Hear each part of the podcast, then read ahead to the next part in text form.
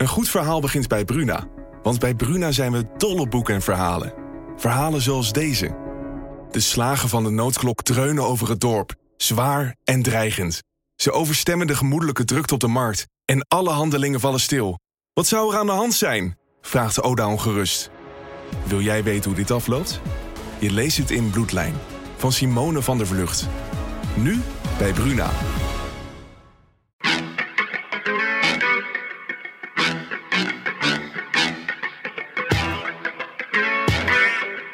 Dit is, dit is het land van Wierde. Een podcast van de Telegraaf met analyses op het nieuws die u elders niet hoort. Met Wierde en Robert Ophorst. Donderdag 7 oktober. Ben je er klaar voor, Wiert? Nou, zoals je ziet zit ik hier nog met mijn leesbril op allerlei stukken te lezen. Dus ehm, Nee. Nee.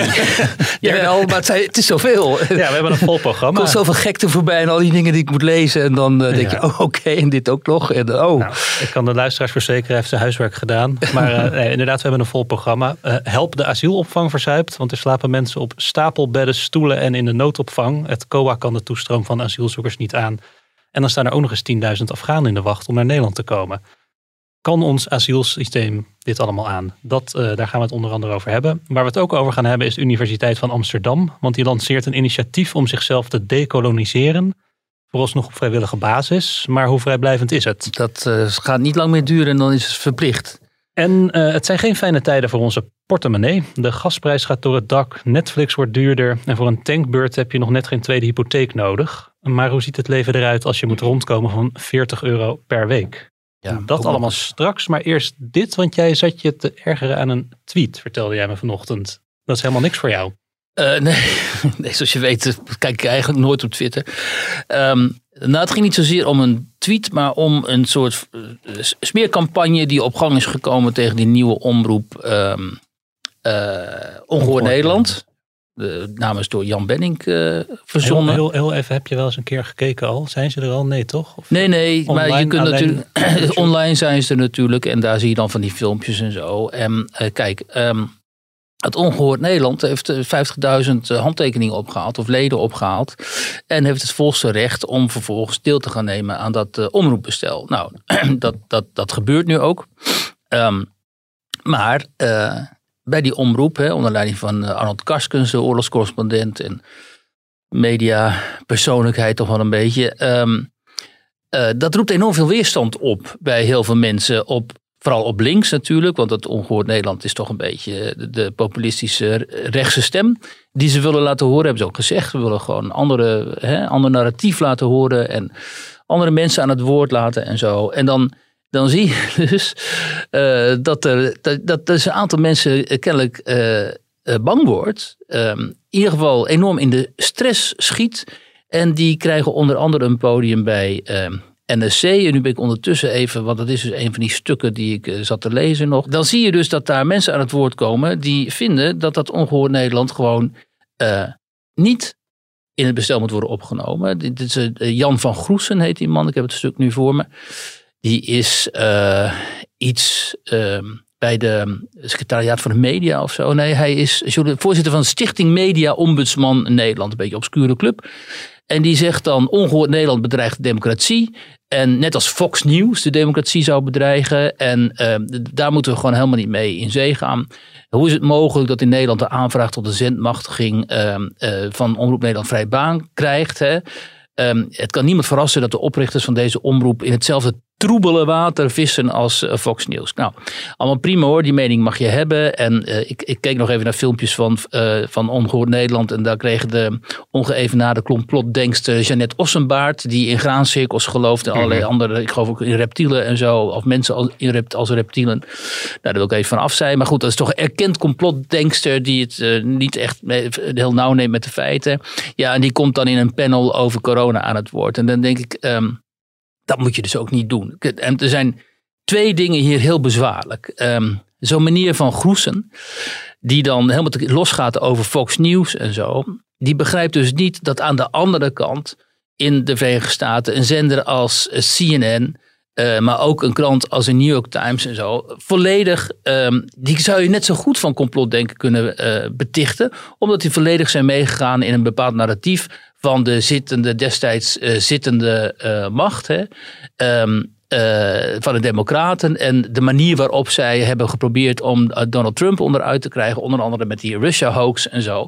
Dat is zeker vergelijkbaar met wat, Fox News doet op andere onderwerpen. Dus er zijn gewoon twee kanten die elkaar daar bevechten en die elkaar vanuit de loopgraven bestoken, ook met complotten, met onwaarheden, met fact-free journalistiek, weet je wel, met alternative facts. Hè? Als, als, als CNN het heeft over de alternative facts van Donald Trump, dan kun je net zo goed eh, het hebben over hun alternative facts. Alleen dat gebeurt dan niet. En zo van Groesen, die doet dat ook niet. Die begint nu dus ongehoord Nederland te beschuldigen van het waarschijnlijk, want dat weet hij nog niet eens, ze zenden nog niet eens uit, eh, het eh, over het voetlicht brengen van die alternatieve feiten. Dat is dus gewoon hè, feitenvrij eigenlijk.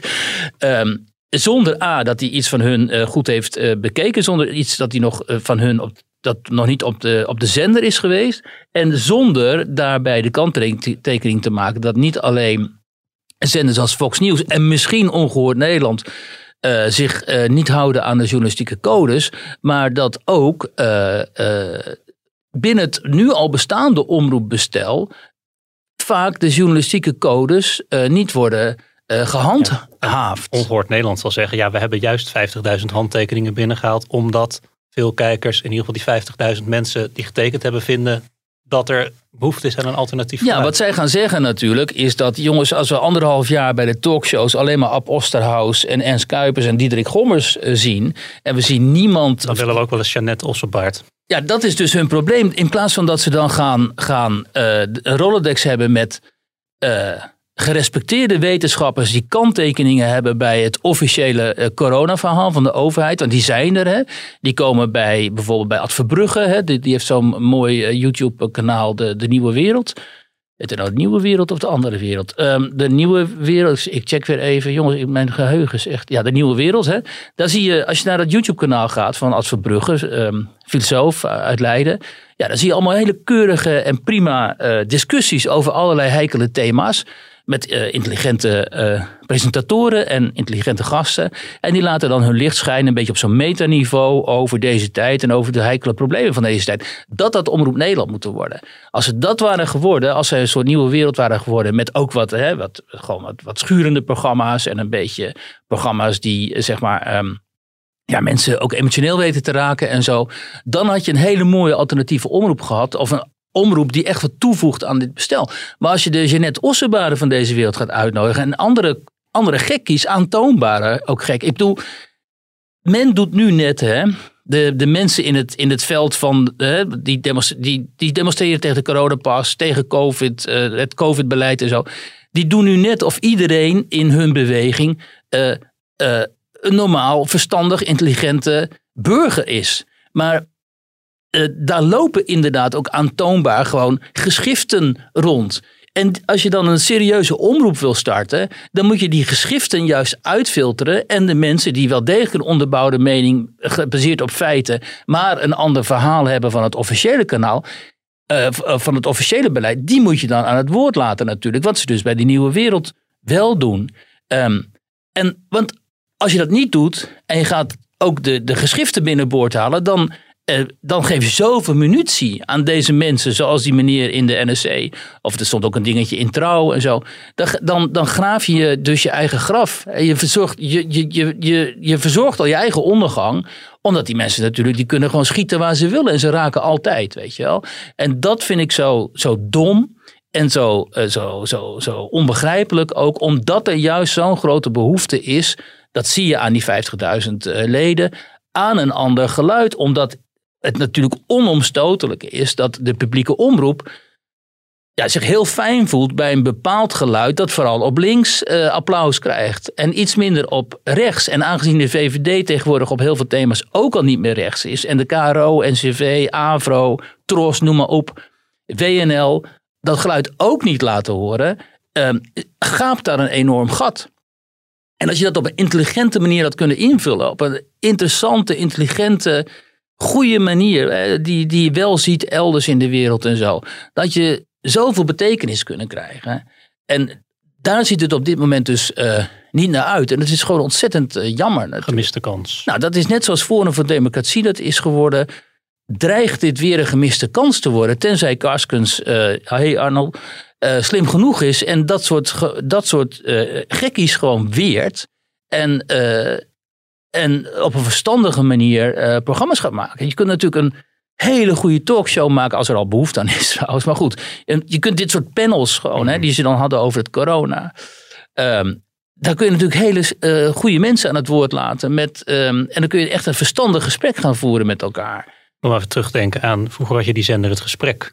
Ja. Eh, daar, daar zag je in mijn herinnering, misschien heb ik Was dat niet van, eh, van, Van- heet die, Frits Barend en zo toch? ja, die, volgens mij was die mede Ah. oprichter. Maar in mijn herinnering zag je daar inderdaad nog... Die moest ook gewoon de hele dag door gesprekken uitzenden. ja, ja, zag je daar nog wel eens eh, van die schurende interviews of Ja. gesprekken? En, eh, Maar dat zie je ook bij de Nieuwe Wereld. Uh, Juri Albrecht doet het in de Bali natuurlijk. Had goede mensen daar binnen. Heb je echt hele mooie debatavonden daar en zo. Het kan wel, tuurlijk wel. Alleen je moet wel de goede Rolodex hebben. En de juiste mensen weten te vinden natuurlijk. En niet gewoon iedereen maar eh, voor de microfoon trekken. Die dan ook iets mag zeggen over dingen waar ze geen verstand van hebben. Wist je trouwens dat Fox News vandaag, 7 oktober, 25 jaar bestaat? Nee. Maar Dat is een, Nou, een dus is fun een fact. Heel actueel thema hebben we nu dus. dus. En kijk, over, over Fox News, wat die, wat die Van Goesen dan zegt en zo. Van Goesen heet die. Eh, er zijn gewoon prima uitzendingen bij Fox News, weet je wel. Je kunt, maar dat geldt ook, hè. Nu ga ik iets heel, heel, heel controversieels Kijk zeggen. uit mensen. Pas op, ik weet niet of ik dit moet zeggen, maar het geldt dus ook voor Russia Today, RT. Hè. Ik bedoel, die, door Poetin, door het Kremlin gesponsorde eh, ehm, staatsmedia heet dat dan. Maar als je af en toe daar reportages kijkt en zo, dan zie je gewoon ook keurig goede journalistieke reportages die een heel ander geluid laten horen dan wat je in het Westen pleegt eh, tegen te komen. Ik bedoel, er zitten ook wel mensen daar die nog wel journalistieke eh, normen en waarden erop nahouden en gewoon een journalistieke reportage kunnen maken. Dus je kunt overal gewoon, hè, als je goed filtert, kun je gewoon de goede dingen, de kwaliteitsdingen eruit halen natuurlijk. En, het ga, en daarom vind ik het ook zo gemakkelijk om zo categoraal hè, dit soort nieuwe initiatieven weg te, weg te schrijven en zo. Ehm, want Ongehoord Nederland heeft natuurlijk een enorme kans. Hè, die gaat echt een kans krijgen om zich eh, te profileren op een heel andere manier dan de, dan de omroepen op dit moment eh, doen. Kijk, bij WNL bijvoorbeeld, daar moeten we nog even over hebben. Zijn ze nu heel blij dat ze Sven Kokkelman en Filan Ekers hebben binnengehaald. Hè? Want er komt een heel ander geluid. Hè? En, was ook al, dat was het tweetje waar je over begon. Een of andere lector in de journalistiek en zo. die trekt dat dan niet. Eh, dan ga ik weer even die tweet erbij halen. Ik moet ook zoveel doen hier. Echt, eh, dat als ik nou een assistent had die dit gewoon even kon eh, regelen allemaal voor mij. Die meneer die heet Robert Slacht. Ehm, en die is, ik roep het nu even op, dus het duurt eventjes. Die is dan, nu komt het lecturer, dus, lec- dus docent journalistiek notabene bij de Hogeschool van Amsterdam. En hij schrijft ook voor de NSC.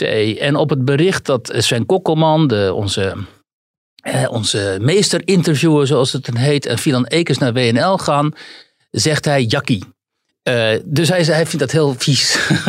dus met andere woorden, eh, Robert Slag, die toch gewoon neutraal zou je zeggen, docent, journalistiek moet onderwijzen, die vindt dus de overgang van Kokkelman en Ekers naar, naar WNL al iets om zich enorm zorgen over te maken, kennelijk. Want hij suggereert natuurlijk dat ofwel die overstap ehm, niet goed is voor hun, omdat WNL zeg maar, in zijn ogen waarschijnlijk extreem recht, rechts is, of dat deze twee naar WNL gaan, want zij zijn ook extreem rechts en dan komen ze bij WNL. Maar WNL is dat natuurlijk helemaal niet. WNL is gewoon een keurige omroep die in de pas loopt met de bestaande coalitie, met CDA en VVD en zo. En dat klinkt helemaal niet echt een heel, heel Nou ja, we weten natuurlijk niet precies wat hij ermee bedoelde, want hij liet het bij dat ene woord. Maar Ja, maar dan kreeg je al behoorlijk veel reacties op. Maar waar het hier om gaat is, hè, waar het hier om gaat is dat ehm, ook die twee gaan natuurlijk niet van WNL een omroep maken waar je systeemkritiek zult gaan horen. Want het valt allemaal binnen het systeem.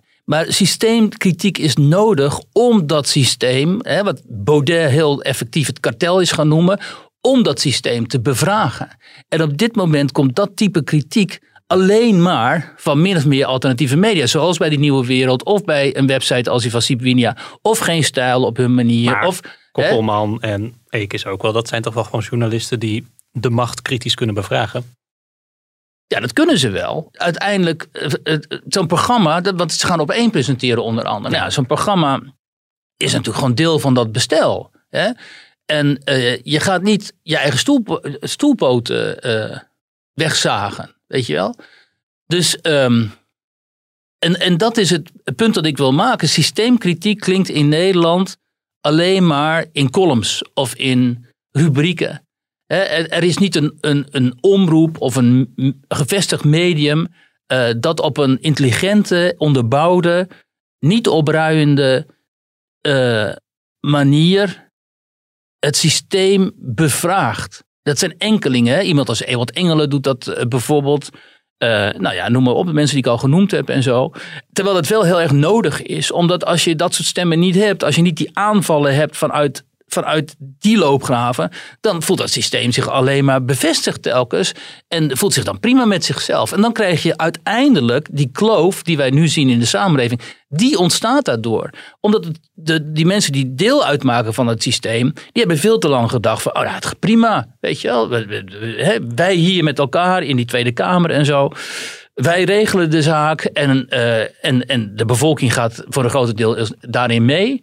En ondertussen hebben ze niet in de gaten gehad. Dat is een heel groot deel van de samenleving zijn kwijtgeraakt. Al die bu- burgers, waar wij het hier in de podcast zo vaak over hebben, die al lang zijn vertrokken.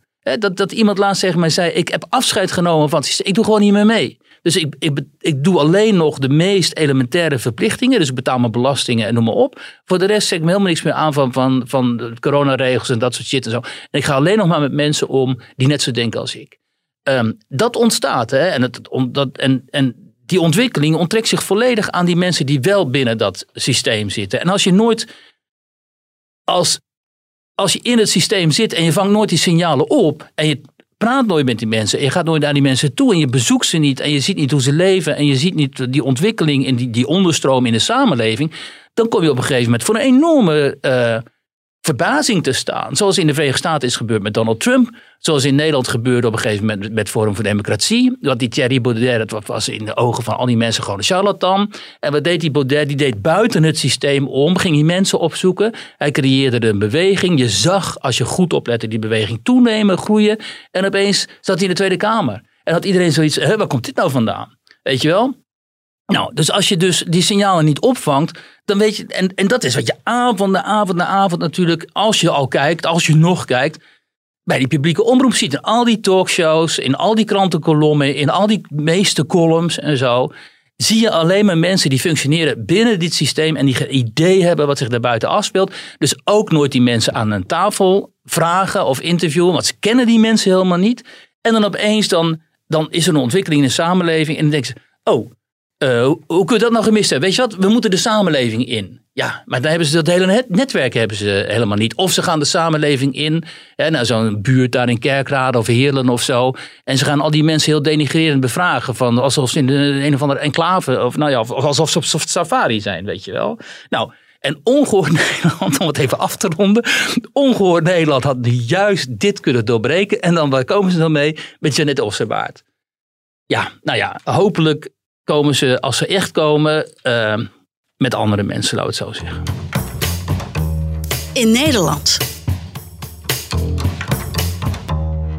We hadden het er net al even over eh, dat het dure tijden zijn. Ehm, jij schreef deze week, een, een, eh, staat vandaag ook in de krant, een stuk over eh, de mensen die daar misschien nog wat meest van, last van hebben, namelijk de allerarmsten. En dan hebben we het echt over mensen die eh, rond moeten komen van nog geen 40 euro per week. Ja. Wat doet dat met mensen?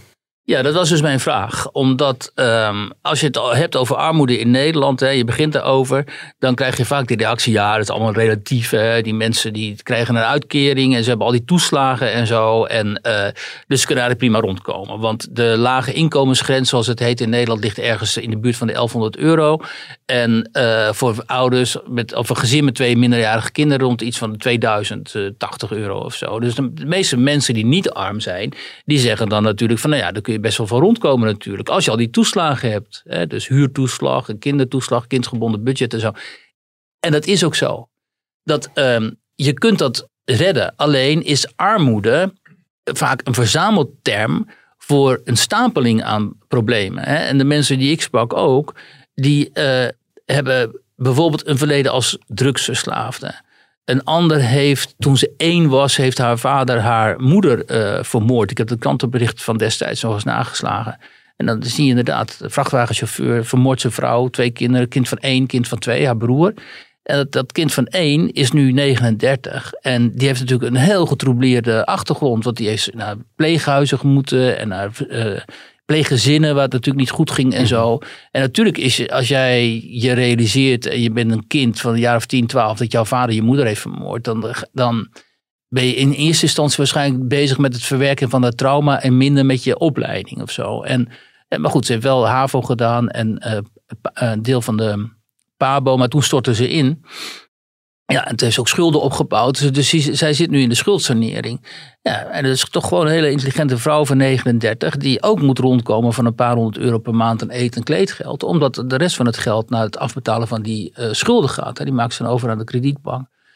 Um, en zo zijn er natuurlijk vele duizenden mensen in Nederland... die zich gewoon niet om allerlei redenen niet echt kunnen redden. Een andere jongen die is dan, hè, die heeft dan verslaafd geweest aan uh, speed tot nog maar anderhalf jaar geleden of zo. En die had zijn financiën ook helemaal niet onder controle. Je hebt natuurlijk heel veel mensen die kunnen helemaal niet hun financiën op orde krijgen, omdat ze het vaak niet eens begrijpen. Hè? Al die, en, ja, en die raken dan uh, aan lage wal. En uiteindelijk raken ze dus in zo'n situatie waarin ze met 40 euro per week uh, moeten rondkomen. En daar is wel een heel, hele, heel netwerk rond die mensen gecreëerd. Van hulpverleners en ook uh, in de buurt en zo die jongen die ik sprak in Apeldoorn in zo'n buurtje, ja, die worden ook gewoon geholpen door zijn buren. En er zitten heel goed, uh, heel goed uh, burgerorganisatie zit er bovenop. Dus als even met hem helemaal niet goed gaat, dan kan hij bellen. Ja, dan komt ja maar dat viel langs. me wel op, want dat lees je vaak in verhalen uh, over hele arme mensen in het, in het buitenland. Die zijn gewoon 24 uur per dag bezig met overleven. Ja. Maar deze jongen vertelde, ja, ik verveel me vaak gewoon Ja. overdag. Want ik heb, hij heeft geen werk. Eh, al die afbetalingsregeling, of die afbetalingsregeling, dat heeft een, natuurlijk een, een schuldbeheerder. Ja. Dus hij krijgt per week 40 euro op zijn rekening gestort. En eh, En dan moet hij het mee doen. En voor de rest hoeft hij niks te doen. Want Nee, die, die, die, rest die die, Ja. die regelt alles. Betaalt hij ook voor trouwens. Hè? 150 euro per maand betaalt hij aan die bewindvoerder. dus hij zei ook van ja, ik, ik doe nu klusjes in de, in, in de buurt en zo om een beetje bezig te blijven. Maar. Gaat hij boodschappen doen voor de buren. En, eh, dus dat is een hele een, een, een Nederlands type armoede. Hè? En dan, ontstaat natuurlijk de indruk bij veel mensen dat die denken, ja zie je wel, eh, die jongen die moet gewoon aan het werk. Want eh, die zit zich te vervelen thuis. Maar ja, die jongen, ehm, zijn moeder was eh, prostituee. Hij is het kind van een klant. Dus die vader was een klant. Die moeder heeft hem afgegeven toen hij 2,5 was. Die jongen heeft in internaten gezeten, is misbruikt en mishandeld. En nog zegt hij van, ondanks, desondanks heb ik best wel een goede tijd gehad, ook in die internaten. Die komt natuurlijk helemaal niet geëquipeerd in die samenleving terecht als hij eenmaal volwassen is. Hè? Dus die raakte verslaafd en zo zei hij ook. Want ik wilde mezelf verdoven, omdat als ik over mezelf nadenk, ja, wat, wat ben ik dan? Weet je, een kind, eh, een, een, een niet gewild kind van een, van een prostituee, daar komt het op neer. Dat is toch ook verschrikkelijk natuurlijk. En Ehm, en desondanks probeert, is hij, heeft hij die opleiding als hovenier gehad en wil hij toch alweer aan de slag. Maar hij heeft diagnose borderline. En, als en dat is echt wel een heftige aandoening natuurlijk. Hè? Als je persoonlijkheidsstoornis hebt, waar hij nu heel goed mee omgaat. Omdat hij houdt afstand van mensen. Maar hij weet, zodra ik een relatie aanga, dat gaat helemaal mis. Want de borderliners die kunnen heel moeilijke relaties eh, aangaan. Hè? Ehm, en hij zegt ook, hij krijgt ook heel snel problemen met eh, autoriteit. Dat heb je ook vaak met, met, die, met die aandoening. Dan kun je helemaal niet omgaan met als iemand gezag over jou heeft en zo. Dus dat is allemaal problematisch. En dan zeggen mensen van wel vaak van ja, maar kijk, eh, waar doen ze nou moeilijk over? Maar als je dan bij zo'n jongen komt en je ziet hoe die woont in zo'n heel oud, ehm, eh, zo'n oude bovenetage, in zo'n buurtje daar in Apeldoorn, hè, waar allemaal werkloze mensen eh, wonen. Gordijnen zijn dicht. Soms zijn helemaal geen- gordijnen, maar lakens voor het raam. Zo, je kent het wel. Ehm, hè, en dan zo'n bordje van eh, pas op voor de hond en dan met spelfouten zo. Niet bij hem hoor, maar bij de buren dan viel mij op. En ehm, eh, ja, dat, dat is een. Dat is heel eh, best aangrijpend of zo. Weet je wel, als je die- meubels, dat, dat, dat stelt ook allemaal niks voor en zo. En eh, ja, je zou, ik denk, je zou zo moeten leven. Hè? En dan, eh, hoe kom je daar dan uit? Ehm, en dat zo makkelijk eh, is dat dus niet. En dan is daar dus, eh, wat jij zegt, er is er zo'n soort buurtorganisatie. En daar werkt dan iemand die heet Vincent. En die heeft zelf ook zo'n verleden. En die, die werkt voor die organisatie. En als die jongen bij wie ik was, ehm Reinier, als hij dan het moeilijk heeft, als er muren op hem afkomen, dan belt hij met die Vincent en die komt dan even langs. Weet je wel? En dat is in Nederland wel vaak zo. Dat soort dingen zijn echt goed geregeld. Die, die, die organisatie organiseert ook eten voor de ouderen. Omdat veel van die ouderen tegenwoordig immers moeten thuisblijven. Die kunnen niet meer naar een bejaardenhuis. En die zitten thuis compleet te vereenzamen. Dus dan gaan ze daar eh, hapje eten en dan gaan ze kaarten na aflopen en zo. Eh, en, dat, en dat wilde ik ook beschrijven. Het, de, de, want dat is puur de, belang, het belang van gemeenschapszin. Hè? Want dat is gemeenschapszin. Met z'n allen proberen om, ook al is het maar zo'n wijkje, de boel nog enigszins leefbaar te houden. Ook voor die anderen, voor die ouderen, die, waarvan vooral de, de vrouwen natuurlijk, omdat die langer leven dan hun mannen vaak, eh, dreigen enorm te vereenzamen.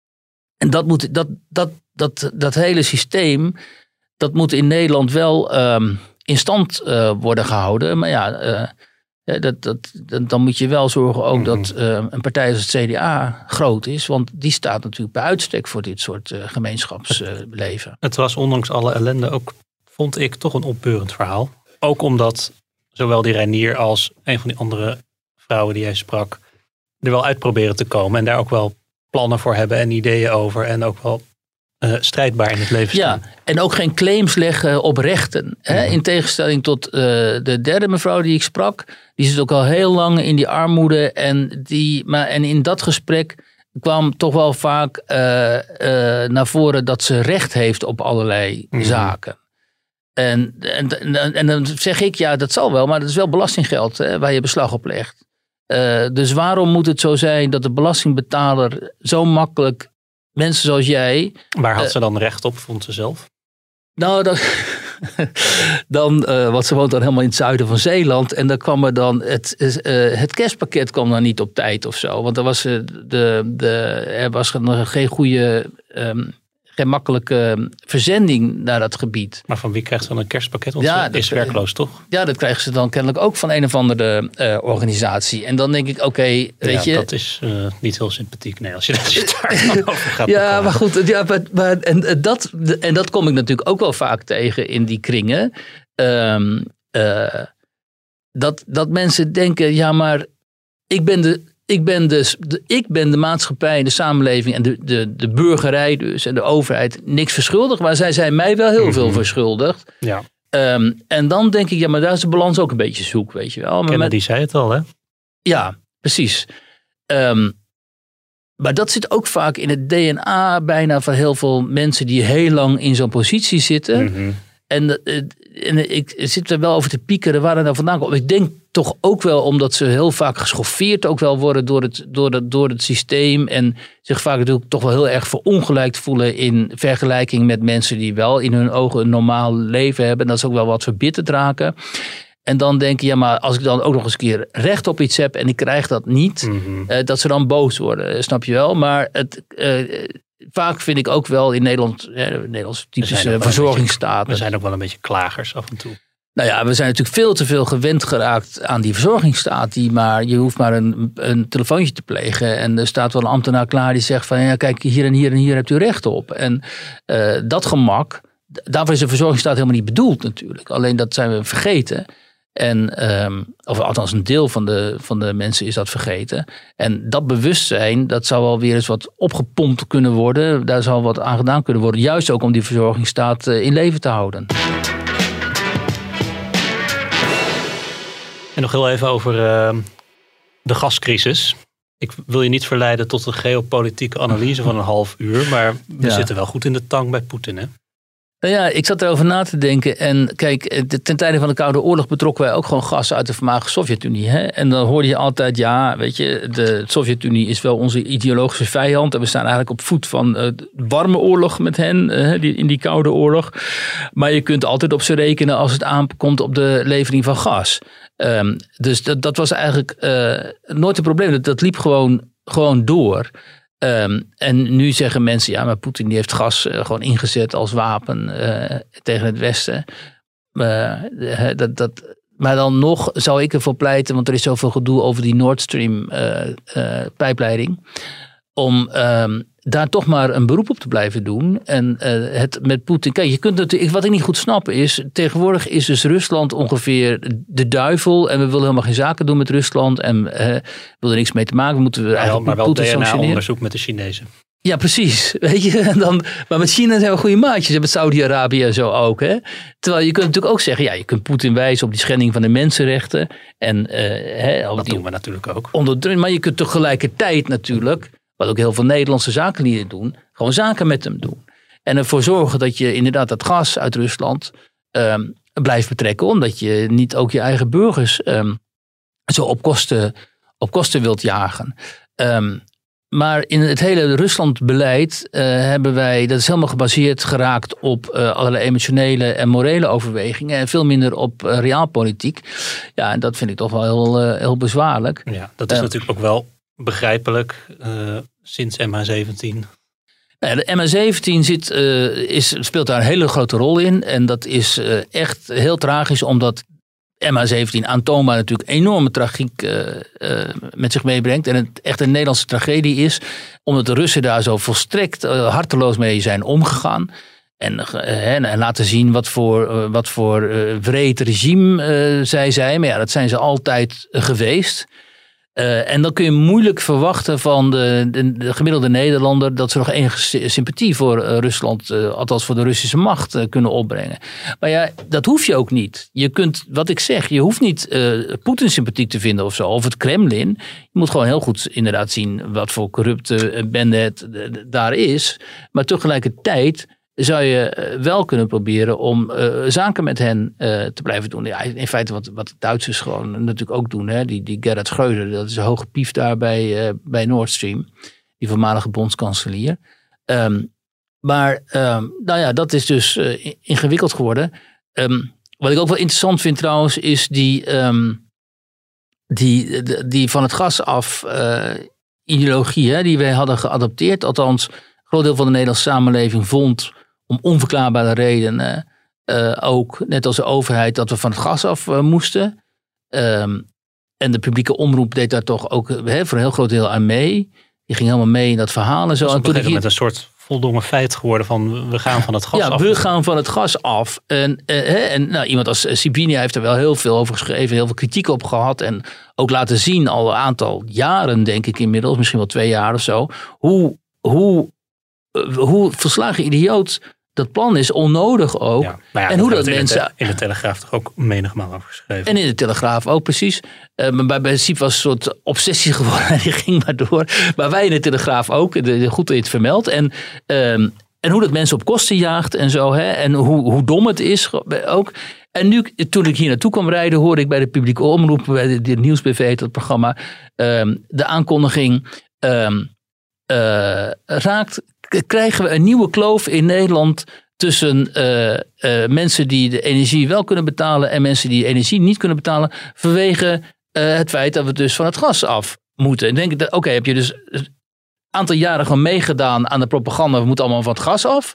En nu het de armen inderdaad gaat raken en zo. Nu ga je er opeens vragen bij stellen, weet je wel. Had dan die vraag even wat eerder gesteld, hè? net zoals wij en inderdaad en iemand als Siep en zo en nog wat, wat, nog wat anderen. Dan was het misschien niet op deze schaal eh, gebeurd. En dan was er niet een soort, een soort nieuw dogma eh, geworden, waarvan nu blijkt dat het toch niet zo verstandig is dat we daar een dogma Ja. van gemaakt hebben. Ik kan trouwens iedereen eh, voor meer hierover verwijzen naar de onze Telegraaf podcast Kwestie van Centen van afgelopen vrijdag. Heel Die goed. staat helemaal in het teken van eh, de gascrisis. En ik heb hem eh, zelf ook afgelopen weekend geluisterd. En het is een eh, hele heldere analyse over wat er... Moet je nog even zeggen met wie, hè? met Herman Stam en Martin Visser Precies. en Edwin van der Schoot, onze slaggever energie. Nee, een hele heldere analyse ook hoe, we, hoe, we, hoe we de afgelopen decennia op dit punt zijn gekomen. Want Ja. Het is natuurlijk niet een proces van de afgelopen jaren. Nee. Wie, wie, wie, wie het Woken Week. Ja, het eh, Chief Diversity Officer Team van de Universiteit van Amsterdam heeft niet stilgezeten. Eh, ze hebben een, een Decolonization Toolkit gelanceerd. Dat is een virtuele gereedschapskist vol met tips en materiaal om jezelf of de universiteit te decoloniseren. Ik citeer even uit eh, een stuk wat er ook stond in Folia, waarin Ja. iemand werd opgehoord die zei: Er is behoefte om diversi- diversiteitsgeletterdheid te vergroten, maar men weet vaak niet hoe. Nou, dankzij de toolkit kan dat nu wel. Ja, en dankzij dat iedereen in alle de hele Nederlandse kolonisten dom, nou ja, in de persoon van Rob Hoogland dan, onze eigen columnist, eh, eh, en, nog een paar geloof ik, eh, zich hierop ge- gestoord hebben. En terecht ook, omdat ja, als je een, een week hebt, dan is er bijna geen beter onderwerp te vinden dan, dan Maar leg even uit wat, wat, wat decolonisatie is, of wat ermee bedoeld wordt. Dat zullen de vaste luisteraars al weten. Maar wat is in godsnaam een decolonisatie Nou toolkit? ja, je hebt dus uit de Verenigde Staten komen over waar je eigenlijk het idee dat eh, wetenschap een, een project is van westerse blanke mannen. Daar komt het eigenlijk op neer. En dat eh, dat niet is vol te houden als jij een diverse, diverse en inclusieve samenleving wilt en een diverse en Ja, inclusieve dus daarom moet het universiteit. gedecoloniseerd worden. En daarom eh, moeten dus die, die wetenschappen en die universiteiten die moeten gedecoloniseerd worden. Wat dus betekent Gezuiverd. ja, het is eigenlijk een soort zuivering van zeg maar, wat, wat, wat eeuwenlang nu inmiddels al toch wel het curriculum is op de universiteiten en zo. En ehm, eh, wat ze dan willen, dat is ehm, dat binnen dat curriculum ook andere vormen van, van denken, want daar komt het op neer, uit andere culturen, zo Afrika of Midden-Oosten of zo, denk ik dan aan, dat die dan worden opgenomen als soort, eh, als een soort ehm, alternatief voor dat rationele eh westerse eh wetenschapsadagium. Daar komt het dan ook neer. En nou ja, dat is op zich natuurlijk al vreselijk, omdat eh, ze net doen, en dat is dat typische cultuurrelativisme, dat, de- omdat ze net doen alsof eh, dat type denken net zoveel wetenschappelijke waarde zou hebben als eh, het toch hè, op basis van eeuwen denken en, en, en, en ervaring en wetenschappelijke successen en zo, en het winnen van heel veel Nobelprijzen dankzij die manier van denken, de westerse wetenschap. Dus ze gaan al helemaal voorbij aan dat dit in disbalans is. Dat dit helemaal niet met elkaar vergelijkbaar is. En dat je niet het ene met het andere gelijk kunt stellen. Maar dan gaan ze nog veel verder. Het, het, het interieur van de universiteit bijvoorbeeld moet in hun ogen eh, ook worden ge- gedecoloniseerd. En dat betekent dan bijvoorbeeld dat eh, een klaslokaal, een, eh, ehm, een, klaslokaal waarin dan de leerlingen achter elkaar, of de studenten naast elkaar achter elkaar zitten met een docent die daar dan voor staat, dat is dan kennelijk ehm, eh, ook een vorm van hiërarchische, hiërarchisch koloni- kolonialistisch eh, denken. En ze zeggen, die setting die kan veel uitnodigender, veiliger, wat kennelijk onveilig, en eh, toegankelijker. Toegankelijker. Dus je mag niet meer naast elkaar zitten of in een U-vorm met zo'n centrale docent. Hè. Dat is dan in hun ogen Er mag nog net een docent zijn. nou ja, precies. Kijk, in de jaren zestig had je natuurlijk ook eh, hè, op de universiteiten die revolutie. En daarin werden inderdaad gewoon docenten eruit gegooid. Ik, moet er, ik moest er wel aan denken. Je hebt het boek Onder professoren van Hermans. Ja. Dat, dat is weliswaar een, een, eh, een, een pastiche. Eh, Ja. Maar dat beschrijft dat wel heel mooi, die gekte. Maar die toolkit is eigenlijk dus een, een handleiding eh, hoe je zelf aan de slag kan. En welke vragen je kan stellen, waar je op moet letten, wat je zelf kan doen. En eh, hoe het zou moeten veranderen. Nou ja, het wil, is je je eigen, wil je de universiteit als UvA-student decoloniseren? Ja, het komt erop neer dat je dus, hè, en dat is ook typisch, eh, komt het voort uit die eh, critical race eh, theory beweging en zo. Dat je dus vooral als blanke eh, jonge man, dan moet je als student moet je er bewust van worden dat Ja. jij white privilege hebt en dat je, dat, je dat hebt dankzij het westers koloniale verleden. Eh, eh, wat koloniaal moet je dan heel ruim zien. En eh, daar moet je van bewust worden. En dan moet je bewust worden hoe, hoe schadelijk dat is. Omdat je hoog staat in een soort virtuele hiërarchie.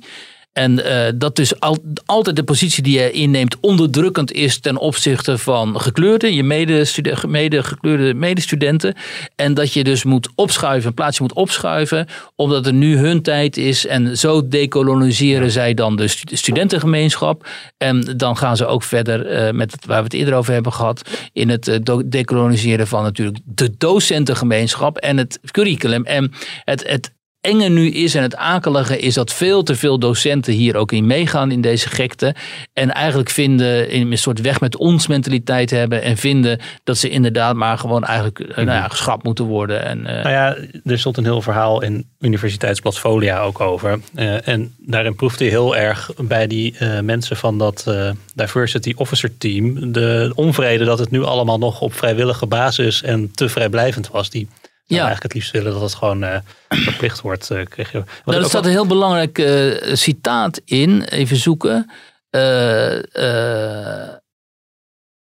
Ze, dat niet alleen moeten docenten worden aangemoedigd, maar ze moeten ook onder druk worden gezet. En dat gevaar is dus heel urgent in deze beweging. Als het Dat- niet goed, goed, goed schiks kan. niet goed schiks, dan gaan we je cancelen. Dus dan gaan we je beschuldigen van racisme of van hè, koloniale mindset. En dan gaan wij ervoor zorgen dat, jij, dat er zoveel ophef ontstaat dat jij ontslagen wordt. En in de Verenigde Staten is dat al eh, aan de orde. Hè? Dat, daar gebeurt dit al. En dat gaat natuurlijk dus ook in Nederland gebeuren. Omdat ook, omdat wat ik eerder zei, er zo weinig mensen het lef hebben of de moed hebben om zich hier eh, tegen te verzetten. Ongetwijfeld ook omdat ze denken, ja maar als ik hier wat van zeg, dan eh, ga ik gecanceld worden. En ik heb wel een hypotheek. Jij zegt het terecht van er is bij veel docenten ook een bereidwilligheid om hier aan mee te doen.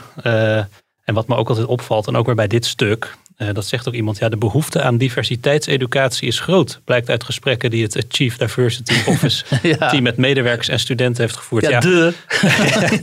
ja, precies. Stel dat je geen behoefte aan hebt, dan lig je er gewoon uit, weet Ja. je wel. Ja. Dus het, ja, het houdt zichzelf ook allemaal in stand en versterkt elkaar met dit soort eh, teams. Maar het staat hier dus ook letterlijk. Hè? Decoloniseren wordt door de auteurs verstaan als het zichtbaar maken en bevorderen van perspectieven en referentiekaders naast westerse rationaliteit. Dus ehm, de westerse rationaliteit, waar wetenschap natuurlijk op gebaseerd is, eh, die wordt bevraagd door hen. Hè? Ehm, nou ja, dat is gewoon het begin van het einde natuurlijk. En gelukkig heeft onze aller Rob Hoogland hier ook een vlijmscherpe column over geschreven. Waarin hij zegt, dit moet echt eens een keer afgelopen zijn, deze, deze waanzin. Want ja, je ondermijnt gewoon de pijlers van, van onze samenleving ook. Als je hè, de, de wetenschappelijke, wetenschappelijke benadering, de wetenschappelijke methodes, eh, als je die niet meer erkent als, als wetenschappelijk, ja, dan, dan, dan houdt het natuurlijk op op eh, een gegeven moment. Eh, het piept en het kraakt in de asielopvang. We hebben er vandaag ook weer een stuk over. Dat staat online. asielzoekers in een Amsterdam, Amsterdams hostel. COA stroomt over en het kabinet staat ook aan de vooravond van een besluit over hoeveel Afghaanse asielzoekers we nog eh, kunnen en eh, willen opnemen. Ja, het ziet er niet best uit. Eh, nee, en eh, ehm, dat komt ook omdat wij helemaal geen, geen coherent asiel- Het, immigratiebeleid het overkomt hebben. ons altijd maar een beetje. Het overkomt ons. En ehm, Roderick Velo, ook columnist bij de Telegraaf. We hebben ontzettend goede columnisten bij de Telegraaf. Die heeft daar een hele goede column aan gewijd. Ehm, die schrijft ook... ehm, die Ankie Broekers-Knol, die er dus op wees dat het misschien uiteindelijk wel om honderdduizend Afghanen zal gaan die naar Nederland willen komen. Ja, die wordt dan gefileerd weer hè, in het parlement. Katipiri van de Partij van de Arbeid noemde haar hersenloos en ziek. Eh, Salima Belhaj van de D66, die noemde afschuwelijk. Don Sede van de ChristenUnie, zeer ongepast en pijnlijk. Hè. Daar komen ze weer allemaal met een verontwaardiging. En, eh, hè, echt, je kunt, als je het leest, dan heb ik als iets, man, man, bedenk eens een keer iets origineels. Ja, terwijl die rekensom die zei, eh, oké, achter op de, achterkant of op de achterkant van een bierveeltje maakt, maar het is natuurlijk wel zo dat zij gewoon zegt van, vaststelt van ja, als, als er als er honderdduizend mensen zouden willen komen, dan Kunnen we kunnen we dat gewoon niet aan. Ja, Dus en in wat plaats zij van dat zei. je dan in de morele verontwaardiging eh, vervalt, zou je ook daarop in kunnen gaan. Ja, dus eindelijk zegt deze eh, Ankie Broekers-Knol eens een keer iets eh, waarvan je denkt, nou, dat, hè, dat, dat is wat anders dan wat ze in de regel beweert. Hè. De- in het Algemeen Dagblad was dit, meen ik, in een interview. En dan krijgen ze dus die morele verontwaardiging, die, die, die, laten we zeggen, die gespeelde en ontzettend makkelijke morele verontwaardiging van deze, ehm, eh, deze getuigenispartijen. Want dat zijn het eigenlijk in op dit thema. Hè? D66, Partij van de Arbeid, ChristenUnie, die wil alleen maar getuigen van hoe begaan zij zijn met de asielzoekers en met immigranten. En laat ze allemaal tot ons komen. Hè? Dat, dat eh, eigenlijk in een soort verkapt seculier, eh, christelijke manier van denken hebben zij. Laat, ons, laat ze allemaal tot ons komen en dan gaan wij hen helpen en we gaan hen Terwijl je ze eigenlijk beter maken. zou willen horen nu over hoe gaan we zorgen dat die asielzoekers niet in een noodopvang hoeven te zitten, maar eh, goed ondergebracht worden. Nou ja, te- precies. Terwijl ze zouden moeten zeggen: jongens, het is allemaal vreselijk wat daar in Afghanistan gebeurt. Hebben we ook mede zelf aangericht door de boel daar het plat te bombarderen en zo. En eh, natuurlijk moeten wij een aantal van die mensen opnemen, maar we kunnen niet 100.000 opnemen. Dus we moeten een, gewoon een gericht asiel- en immigratiebeleid optuigen. En aan de kiezers, aan de mensen in het land duidelijk maken: we gaan ons niet laten overlopen zoals in 2015 in Duitsland gebeurde en deels ook in Nederland. En Roderick die had hier een heel goed voorbeeld aan, namelijk van Canada. En Canada is altijd een goed voorbeeld, omdat ze er daarin slagen met een enorme deugdpremier, eh, die Trudeau. Die altijd doet alsof hij de redder van niet alleen van zijn eigen land is, maar van de hele wereld. Hè. Ik bedoel, woker dan de- deze Trudeau vind je ze niet. Ehm, die staat altijd voor de camera te spelen alsof iedereen in Canada welkom is. En Canada eh, het beloofde land is voor de armen en verdrukten van deze wereld. Maar die hebben gewoon weer een nieuw maximum gesteld aan het aantal Afghanen, namelijk eh 40.000. Eh, terwijl Canada berekent, en dat rekent Roderick ook even voor, 240 keer groter en 150 keer leger is dan Nederland. En dan weet de Canadese immigratiedienst ook nog eens een keer precies wie ze willen hebben. Namelijk gewoon hoogopgeleide eh, vrouwelijke leiders, mensenrechtenactivisten, eh, mensen uit de LQ, LGBTQ plus hoek. ehm, enzovoort, enzovoort. Dus mensen die kansrijk zijn ook in die samenleving. Dus als ze daar binnenkomen, die al hoog opgeleid zijn, die waarschijnlijk al Engels praten, die een kans maken op die arbeidsmarkt daar, die willen zij hebben. En niet, ze zitten niet met de handen in het haar, eh, al, eh, hoe heet dat, eh, hersenloos en, en afschuwelijk roepend, niet wetend wat ze hier precies mee aan moeten, maar wel laten zien dat zij in ieder geval enorm deugen, zoals die Nederlandse parlementariërs. Nou, en dat is gewoon een volwassen manier om met zo'n probleem om te gaan. En het lukt Nederland maar niet onder Mark Rutte, want dat moet toch eens een keer gezegd worden, onder Mark, premier Mark Rutte lukt het maar niet om een fatsoenlijk immigratie- en, en eh, asielbeleid op te tuigen. Dat is zeer, zeer, zeer verwijtbaar, want er zijn veel te veel mensen die binnenkomen wekelijks. We kunnen dat niet aan. Je ziet het al, de woningmarkt, eh, hè, er zijn gewoon geen woningen, er zijn niet eens centra om deze mensen op te vangen. Zometeen gaan ze op straat slapen. En dan zeggen we nog, oh oh, wat afschuwelijk. En we doen nog niets. Dus deze, maar dat heb ik ook al eerder gezegd, deze politieke generatie is wat dit betreft zo ontstellend aan het eh, falen. En we kunnen daar niet voldoende op wijzen, want voor onze kinderen en kleinkinderen, die, deze mensen tekenen nu het ontwerp voor de samenleving waar onze kinderen en kleinkinderen in zullen moeten opgroeien. En dat ziet er gewoon niet goed uit. Wiert, dankjewel. Dank je wel, Robert, dat ik even deze rant kon eh, afmaken. En alle luisteraars ook weer bedankt. Graag tot volgende week.